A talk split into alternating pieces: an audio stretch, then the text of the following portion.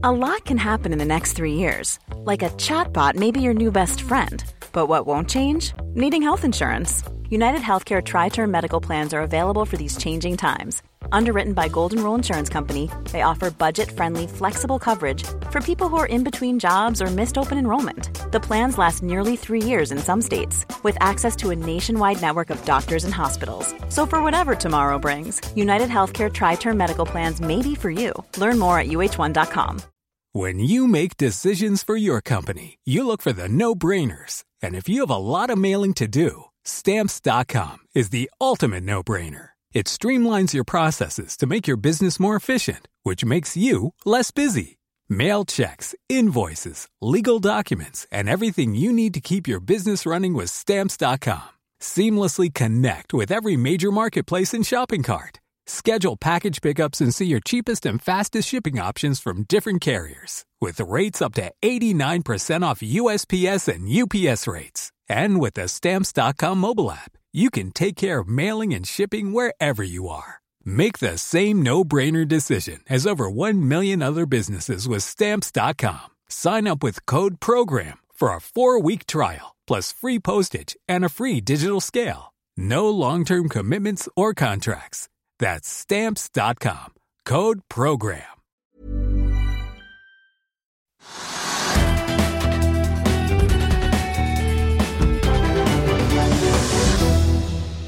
Velkommen til Økonominyhetene. Det har blitt fredag 23.9, og på denne gudskjelovdagen så skal vi oppsummere en hendelsesrik dag og får si, nervøs uke. I dagens sending har vi med oss Trygve Hegnar for å kommentere det som har blitt et svært så surt aksjemarked nå utover dagen. Vi får teknisk analyse av Bård Drilling, og så blir det også litt bilstoff på slutten av sendingen. Og Vi skal altså straks komme tilbake til det veldig kraftige fallet i markedet. Men først skal vi ta unna et par andre nyheter som har preget dagen. SAS har fått en smekk på fingrene av både Nasdaq i Stockholm og København for måten de har håndtert informasjonen rundt pilotstreiken i juli. Og Nasdaq reagerer på at en del informasjon da nådde pressen før SAS sendte ut de formelle meldingene via børsens informasjonssystemer. Vi hadde jo en lignende situasjon her på Oslo Børs i 2019, da Norwegian sendte ut litt info til noen medier om at Max-flyene ble satt på bakken da noen minutter før børsmeldingen gikk til Oslo Børs. TGS har tatt nye grep rundt Magsize-budet i dag. I går ble det jo kjent at de har sikret seg over 70% akseptgrad på budet sitt. Og i dag kommer det frem at de altså senker akseptgraden til 66,67% og dermed har de da fått nok aksept på den måten. Budet er fortsatt da satt sånn at fristen går ut neste uke, en uke senere enn først skissert. Sånn at det er mulig å takke ja hvis man ønsker det. TGS-aksjer er ned 6,6 i dag, har falt en god del, mens Magsize ligger ned 2,7 så vi også ta med Otovo, som melder om at de er i gang med å liste seg opp fra Euronex Growth til hovedlisten. og Det skal etter planen skje innen utgangen av året, slik vi også hørte sjefen i Gram Car Carrier fortelle at de jobber med. Og Hydro setter i gang et varslet da, tilbakekjøp av egne aksjer for inntil 2 milliarder kroner, som altså ble godkjent på generalforsamlingen. Aksjene skal kjøpes tilbake fra 26.9. og frem til 29.3, og det utgjør 1,6% av aksjekapitalen. Hydro styre har jo tidligere foreslått et ekstraordinært utbytte i år på 3 milliarder, og dermed sendes totalt av 5 tilbake til aksjonærene. og Det kommer da etter utbetalingene på 11 milliarder som ble gjort i første halvår. Norsk Hydro-aksjen er ned 4 i dag. Og så får vi også ta med Cloudberry fornybarselskapet, som jo har hentet 800 millioner i en emisjon da til 15 kroner og 50 øre. Det er jo da en rabatt på en 7% fra sluttkursen i går. Den aksjen faller da 8% til 15,40, noen øre under emisjon, emisjonskursen. Og disse pengene skal brukes på å finansiere opp utbyggingsporteføljen til Cloudberry. Da skal vi snakke markedet, for Wall Street endte jo ned i går for tredje dag på rad. og Futuresene peker mot et ganske kraftig fall nå når markedet åpner om et par timers tid. Rundt i Europa så ser vi nå at de store indeksene er ned over 2% og her hjemme så falt jo hovedindeksen da i går ned nesten 0,4% Og Trygve, det begynte jo i null i dag, men det varte ikke lenge. Nå er vi ned nesten 3% Ja, og det er ikke så vanskelig å forstå. For det første så er det som du sier at børsene på de store markedene ute har gått ned. De faller i Europa i dag også, og man regner med at de amerikanske børsene faller igjen. Og Årsaken til det er det tror jeg er nesten sikkert, det er at vi ser nå det at sentralbankene de gjør som de har sagt. De vil ha prisveksten ned. Prisveksten er altfor høy i alle steder. USA, euro, euro, altså Norge, overalt. Prisveksten er for høy, og alle sentralbanker har sagt at man, man, gjør det som er nødvendig for å få prisveksten ned på rundt 2, 2 og I og med at pris, prisveksten har ligget på 8-10 ikke sant? Så 8,5 i USA og, så videre, og 6,5 i Norge, så er det så høyt at for å få da prisveksten ned, så må det kraftig lut til. Og sentralbanken har denne uken vist at de faktisk gjør som de sa. De skal ha den ned. Det er ikke småtterier. Riksbanken gikk eh, et fullt prosentpoeng. Fed 0,75 nok en gang. Ida Wolden Bakke skjenkte på en halv prosent. Ja. Det, er, altså det, er, det, det, kommer fordi det er ventet. Så er det noen som har sagt at det er ikke sikkert det skjer. Jo, vi har snakket om det så mange ganger. Den, den policyen de følger med å få da pris prisen til å ligge på et nivå som de kan akseptere, som er rundt 2 Da må også da styringsrenten så mye opp for å få renten opp og dempe etterspørselen. Og det har jeg sagt så mange, ganger at det måtte komme. Nå er det kommet. Og da står vi foran et kjempeproblem. For liksom, hvor langt skal styringsrentene gå? Altså I Norge skal de gå 0,25 eller 0,50 eller 0,75. I USA skal de ta en trippel en gang til. Skal EU ta en trippel? ikke? Altså, det er bare et spørsmål om hvor mye styringsrentene skal øke for å få aktiviteten ned. Og Det kommer til å selvfølgelig å slå ut i næringslivet. Selskapene tjener mindre, selger mindre, tjener mindre, får dårlige resultater. Og da vil folk betale mindre for aksjene. Så det, Jeg vil ikke si at vi går mot en stor resesjon i alle land. Vi går mot en resesjon, på en eller annen måte svak eller sterk eller stor. Og Det betyr at aktiviteten går ned, og det slår ut i kursene. Og det har vi faktisk ventet på i måneder. Men så har man da kanskje trodd at man slapp unna. Man slipper ikke unna. Nei, altså, både Jerome Powell og også Ida Wolden Bakke de er jo ganske åpne på at eh, det blir en eh, ja, nedgang. 0,3 eh, spår Norges Bank at fastlands-BNP skal ned her. Jerome Powell er ganske åpen på at det må på en måte en oppbremsing til økonomien og forverring i arbeidsmarkedet for på en måte å få inflasjonen jo, jo, for det, ned. Ja, for som jeg sa, Marius, De later jo ikke som at dette blir veldig hyggelig.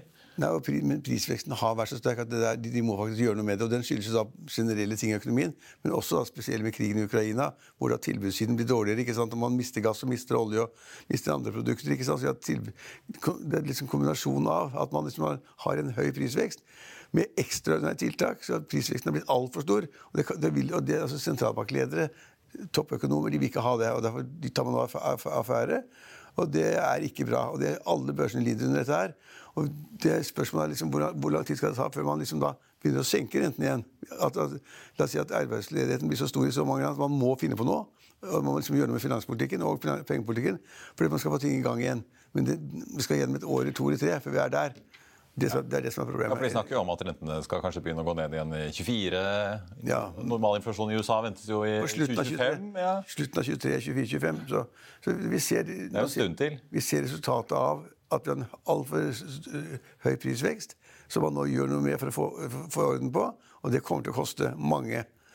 En prislapp for dette her som vi så i dag, var jo Handelsbanken som var ute med nye prognoser og frykter altså at en del næringseiendom kan falle med 25 eh, nå som det på en måte er slutt med lavrenter og man må begynne å regne inn de høye finansieringskostnadene selv i attraktive områder i Oslo, som ja. Sara Midtgaard uh, sier til oss i dag? Altså, både Norges Bank og Handelsbanken liksom sier det samme. Norges Bank har også vært inne på dette. her, og Det er helt åpenbart det at liksom, uh, altså folk har betalt altfor mye for, for næringseiendom en stund, og gilden har vært veldig lav. Så krever man en litt høyere gild, ikke sant? og da må man ha prisene ned. Men jeg synes også det var ganske tøft at de sa det, at de regnet med pris, et prisfall på 20-25 Det er mye. Det er, nei, det er, veldig mye. Ja, da er det sånn man begynner å lure på om bankene, altså bankene som har finansiert dette, får problemer? Ja. Det, det, de får nok ikke problemer med norske banker. Det skal mye til før de får ja, mest, problemer. Ja, mest boliglån, jo, men likevel. Jo, da begynner det å nærme seg grensene kanskje hvor bankene faktisk Noen banker, kanskje, kanskje noen svenske banker. Opp, ja. Kanskje noen andre banker i Øst-Europa eller et eller annet sånt, men det skal, det skal ganske mye til. da. Fordi at eh, De fleste utleiere de har jo da klausuler om at de kan øke da leiene i takt med konsumprisindeksen. Og nå kan man da øke leiene med 4-5-6 ikke sant? så de tar ganske mye inn der. Men så stiger rentene samtidig. Men det som er åpenbart, er at gilden den kommer til å øke, og verdiene på eiendommene går ned. Ja. Så Hansbakken regner med at eh, kontorleien blir skrudd opp med 6% i ja. november? Ja. ja. Litt avhengig av hva man tror KPI-en blir. Ja. Rundt der. Det, oljeprisen Nå ligger vi på 87,80.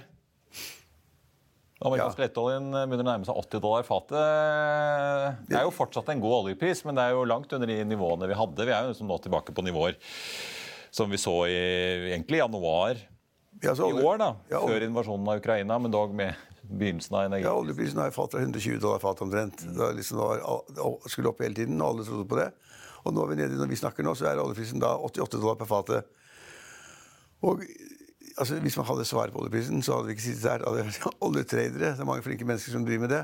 Men jeg syns det er rimelig opplagt nå at oljeprisen faller nå såpass kraftig i løpet av timer og kanskje et par dager. Fordi at det er det samme bildet som vi snakket om i sted, nemlig at resesjonen kommer. Folk sier at aktiviteten blir klart lavere.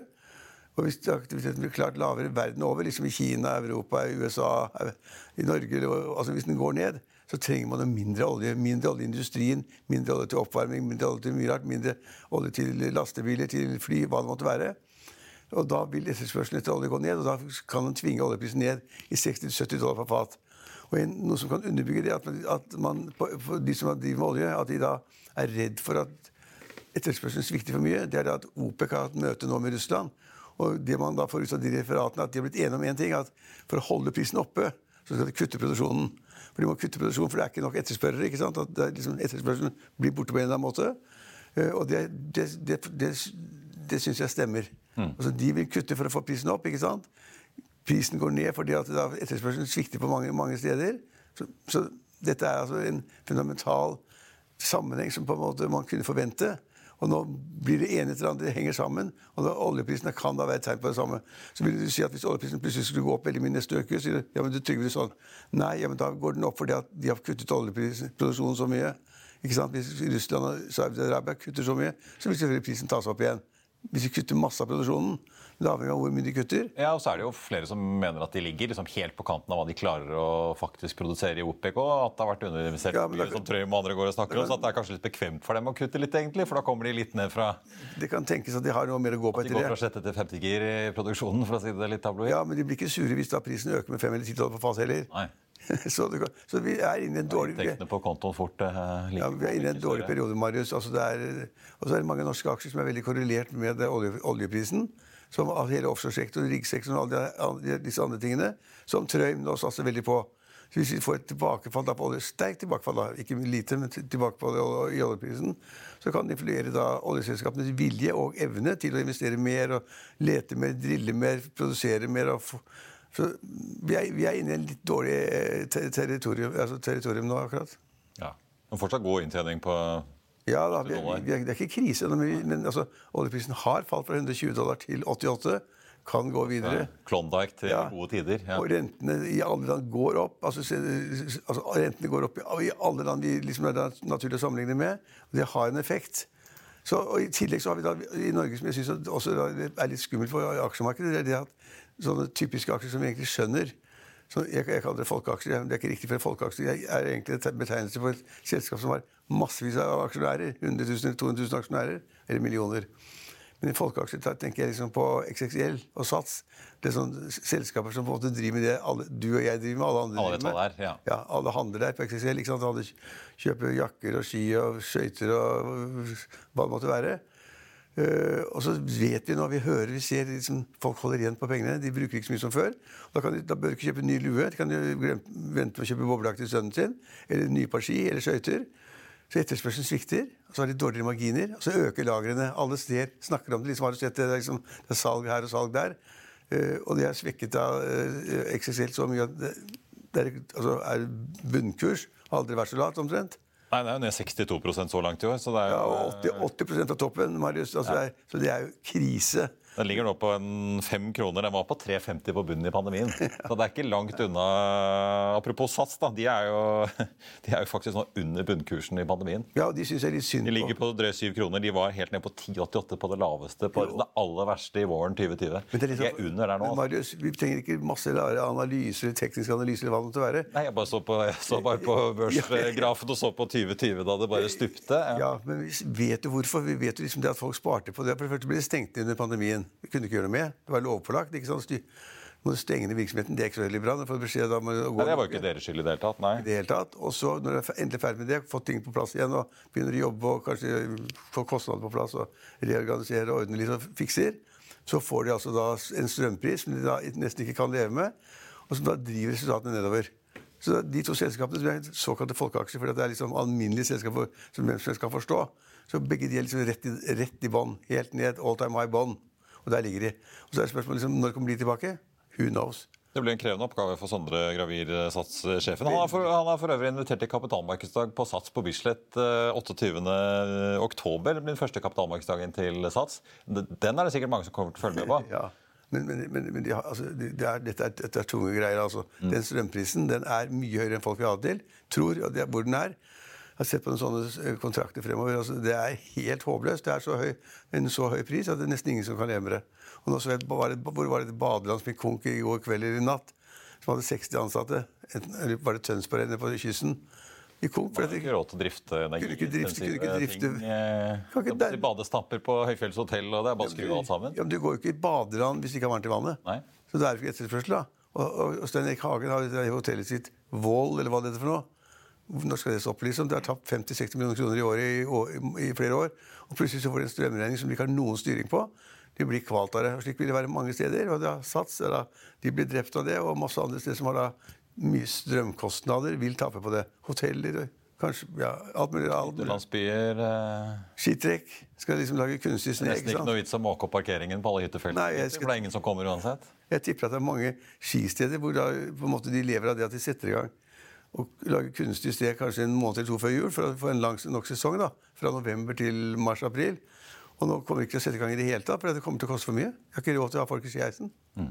Så vi ser at vi, liksom, de, mest, de, de mer vanskelige selskapene, de store selskaper, oljeselskaper, gasselskaper eller offshoreselskaper, eller hva det måtte være, det er liksom vanskelig for mange å forstå. Men vi ser altså det at dette som vi nå ser i økonomien, med liksom høyere sentralbankrenter for å få aktiviteten ned, det virker. Aktiviteten går ned, og vi kan se det på de selskapene som, som vi omgir, omgir oss om med, at de går dårligere, kommer til å gå dårligere.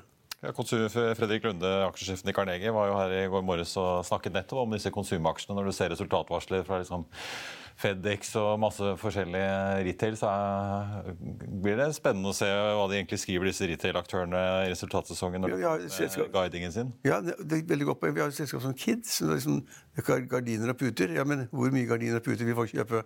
Hvis jeg er redd for mye oppussing og styling blir det hjemme? Når de ikke har penger, eller, ja. eller når far kommer hjem fra jobben og sier at nå har jeg fått strømregningen. Den er så stor at nå må vi spare.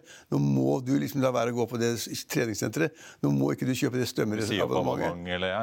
Så, så det, hele den sektoren der som har vært avhengig av at vi har god råd, kjøpe litt ekstra, puster opp et rom, puster opp en hytte Hele det markedet kommer til å få en, en trøkk. Mm. Skal vi snakke litt uh, flyaksjer òg? Jeg hadde jo uh, Norse Atlantic-sjefen med i går. Han hadde jo sin verste børsdag noensinne. Han var ned over 17 uh, og Det er jo etter det fallet som kom da tidligere i måneden, da de kom med den oppdateringen, markedsoppdateringen som sendte aksjen ned en 11 var det vel, og så falt den enda mer i påfølgende dager. Han, altså Norse Atlantic er jo nå på en rundt en fjerdedel av hva kursene var uh, da de gikk på børs uh, her i fjor uh, våres. Men de er jo ganske åpne og ærlige om at de forventer at det blir en veldig krevende vinter for hele luftfartsbransjen. Mye mer egentlig åpne om det enn det jeg syns de andre flyselskapene er. Ja, jeg syns synd på dem, egentlig. Men på en måte så er de selv skyld i hva de driver med. Altså, de har jo satset frivillig. Ja, men Norse tapte jo bare en halv milliard første halvår. Altså 500 millioner kroner første halvår.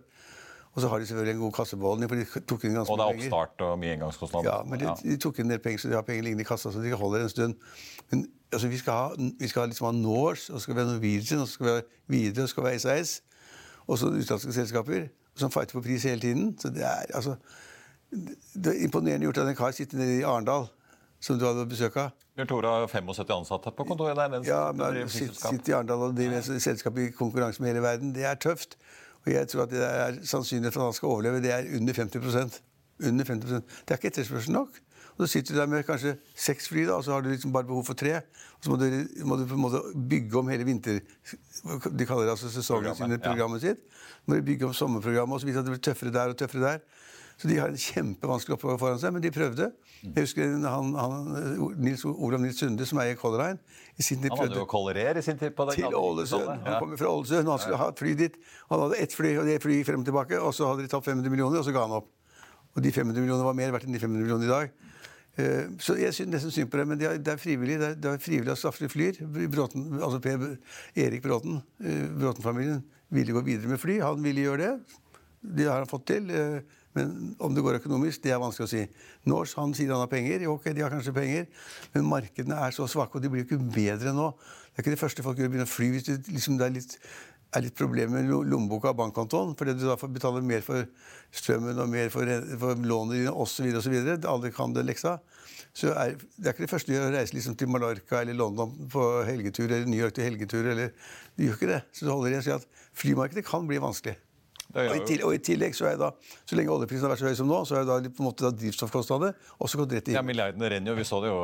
Altså Norwegian sa jo de hadde en milliard mer enn eh, de hadde regnet med i andre kvartal. Så kommer jo nå er det er ikke noe morsomt vi kan snakke på? jeg tenkte jeg skulle si altså, Til Norses uh, fordel så har de i hvert fall sånn power by the hour på alle flyene. Altså, de betaler jo bare for bruken, men de har jo selvfølgelig lønninger til ansatte og andre ja. ting som tikker og går og trekker penger ut av kassen. Jeg vil ikke ha penger i de aksjene. Jeg kan si at jeg håper at de overlever. håper at de, liksom er de som er billigst å satse i Norge, at de får noe igjen for det. Men oddsene for at det skal gå bra, er lav, og derfor er kursene da faller som steiner på de aksjene vi har snakket om. ikke sant? Sats eller XXL eller Flyr eller også Norse nå. ikke sant? Kursene faller fra markedet. Orker ikke sitte med aksjene. Tapene er for store, og så går de ut av aksjene, og så er presset nedover, og så er det der. Så er jo jokeren, eh, får vi si, hvor, eh, hvordan SAS egentlig blir seende ut. Det er vel viktig for Bjørn Åre Larsen og co. Eh, når de er gjennom domstolen i USA, hvor nedskalert de egentlig blir. Ja, og Ingen skjønner hva som foregår, men det kommer til å bli kjempekostbart. Mm. Selskapet blir vesentlig mindre.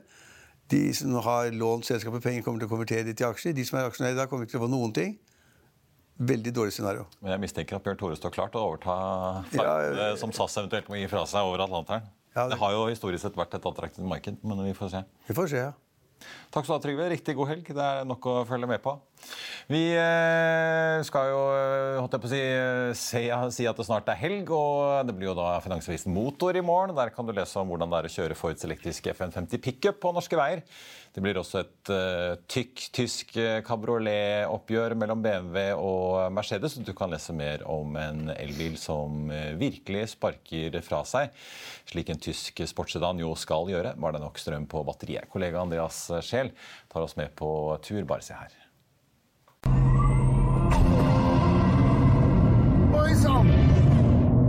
Nå har eh, Mercedes elektriske flaggskip EQS kommet i AMG-versjon.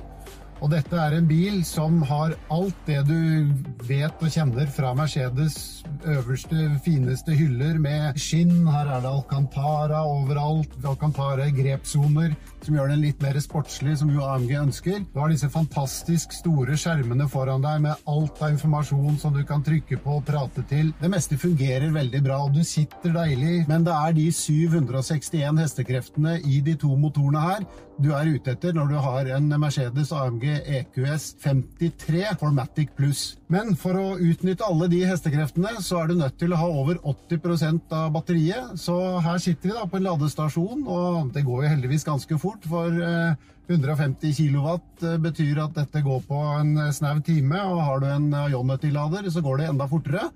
Og nå skal vi ut og se litt på hva alle disse hestekreftene har å by på når vi tråkker gasspedalen i bånn. Så da setter vi bilen i Sport Pluss, holder bremsen hardt inne og gir full gass. Slipper bremsen, og så ser vi hva som skjer. Oi sann!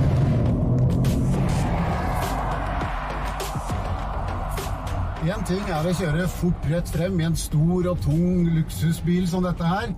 Men etter at AMG har tuklet med motor, understell og litt annet, så er dette en bil som også er skikkelig morsom når du kommer deg ut på litt svingete veier og kan bruke de kjøreegenskapene den har å by på.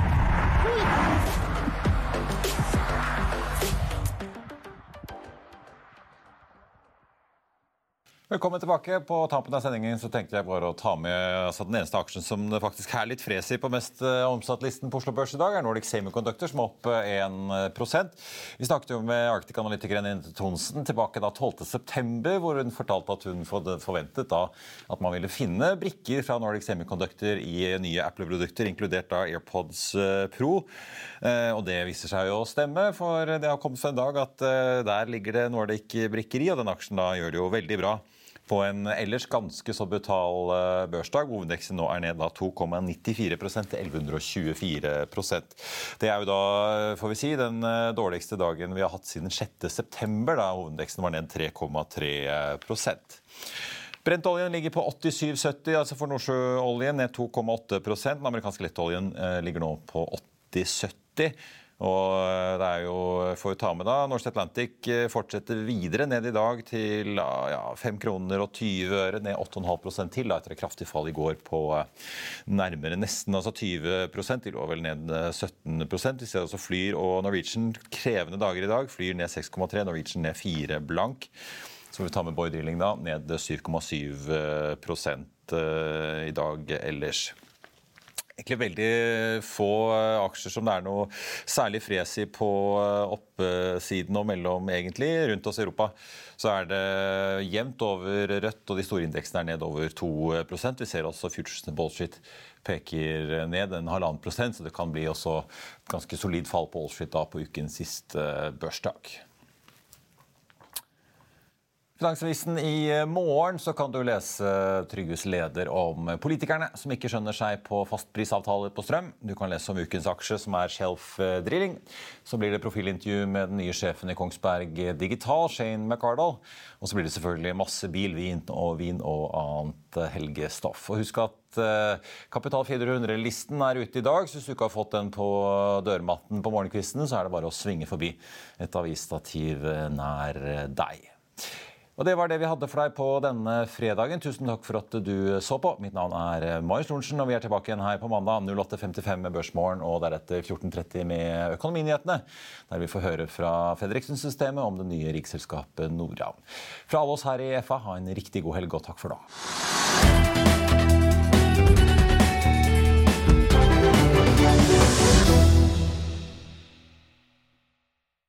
Økonominyhetene er en podkast fra Finansavisen. Programledere er Marius Lorentzen, Stein Ove Haugen og Benedikte Storm Bamvik. Produsenter er Lars Brenden Skram og Bashar Johar. Og ansvarlig redaktør er Trygve Hegnar.